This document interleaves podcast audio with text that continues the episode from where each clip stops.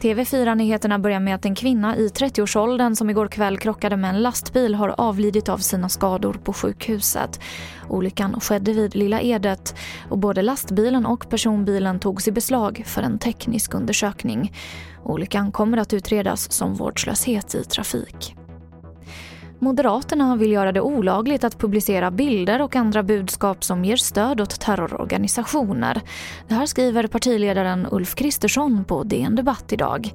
Förbudet är ett av åtta förslag som Moderaterna presenterar i ett åtgärdspaket mot politisk och våldsbejakande terrorism. Så till Storbritannien som lättar på inresereglerna.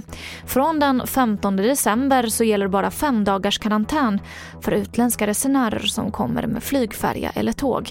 Och det blir också lättare för britter att resa utomlands då man vid hemkomsten slipper de två veckor i karantän som gäller idag.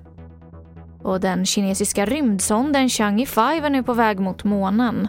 Raketen med sonden lämnade rymdcentret i Wingchang sent igår kväll svensk tid. Sonden ska ta prover från den hittills outforskade Stormarnas ocean, en stor lavaslätt på månens östra sida. Och det var det senaste från TV4 Nyheterna. Jag heter Emily Olsson.